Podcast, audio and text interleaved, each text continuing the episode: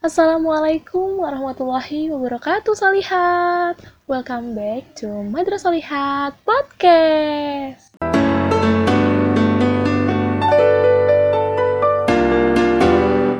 Subhanallah walhamdulillah wala ilaha illallah Allahu akbar.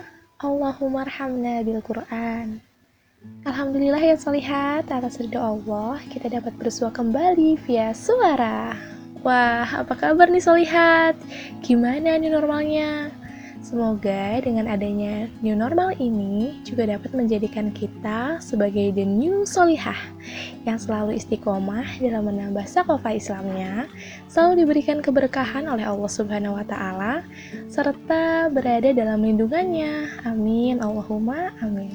Kali ini kita akan membahas tentang kelebihan. Wah, kelebihan apa tuh? Nah, setiap orang pasti punya kelebihan dan kekurangannya masing-masing kan? Tapi, kelebihan yang bakal kita bahas kali ini yaitu suatu kelebihan yang katanya nggak banyak dimiliki oleh orang-orang. Hmm, makin penasaran nih, kelebihan apa ya kira-kira? Jeng jeng jeng, indigo. Yaps, ada apa sih dengan indigo? Siapakah dia? Makhluk astral kah?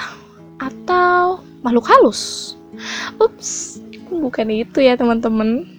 Jadi, kelebihan dari seorang indigo ini adalah mereka yang katanya dianggap memiliki kemampuan melihat sesuatu yang tidak bisa dilihat oleh orang biasa.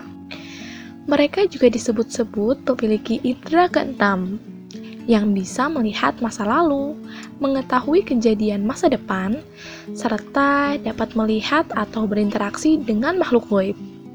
Hmm, keren juga ya kedengarannya. Eits, tapi nyatanya itu bukan suatu kelebihan loh. Karena bisa melihat makhluk halus atau bisa berkomunikasi dengan mereka merupakan penyakit yang harus disembuhkan. Makhluk halus itu kan sifatnya tak terlihat. Jadi, kalau sampai dia menampakkan wujudnya, berarti ada masalah pada setan tersebut. Terus, gimana dengan mereka yang bisa melihat hantu? Bahkan sampai ada yang berteman.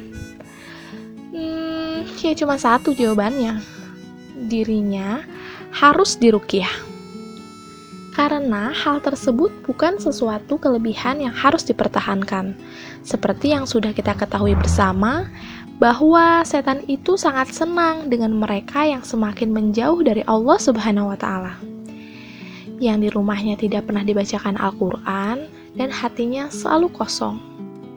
Eh, iya, tapi ada juga loh setan yang beralibi dengan selalu mengingatkan kita untuk beribadah.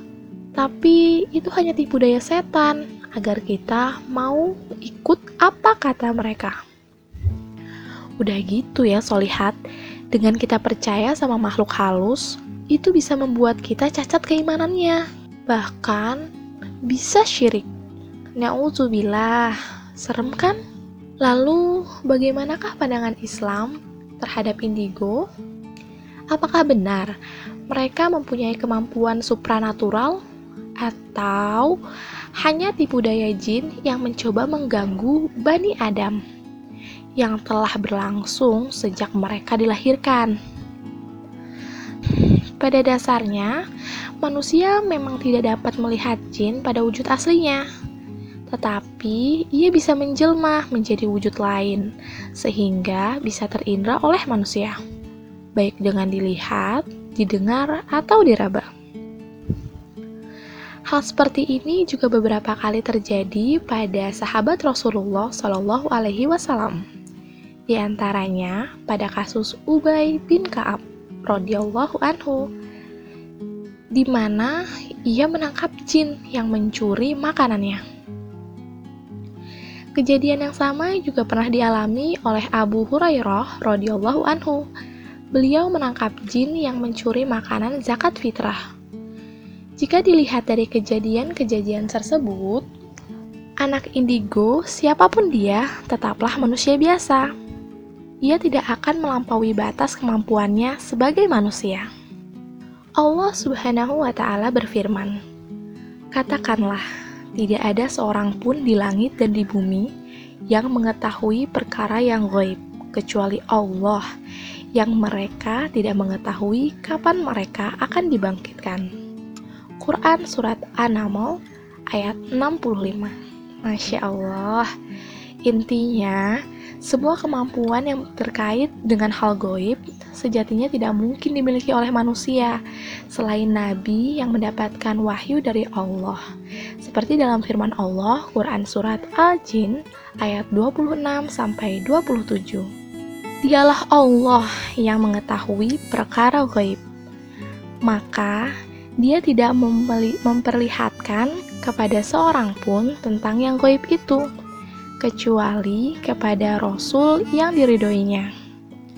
Maka sesungguhnya dia mengadakan penjaga-penjaga malaikat di depan dan di belakangnya. Allahu alam bisawab. Nah, sekian pembahasan podcast kita kali ini.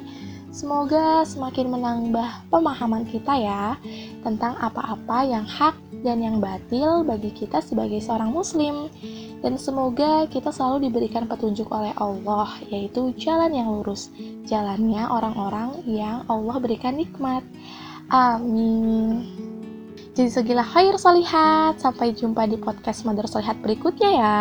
Wassalamualaikum warahmatullahi wabarakatuh.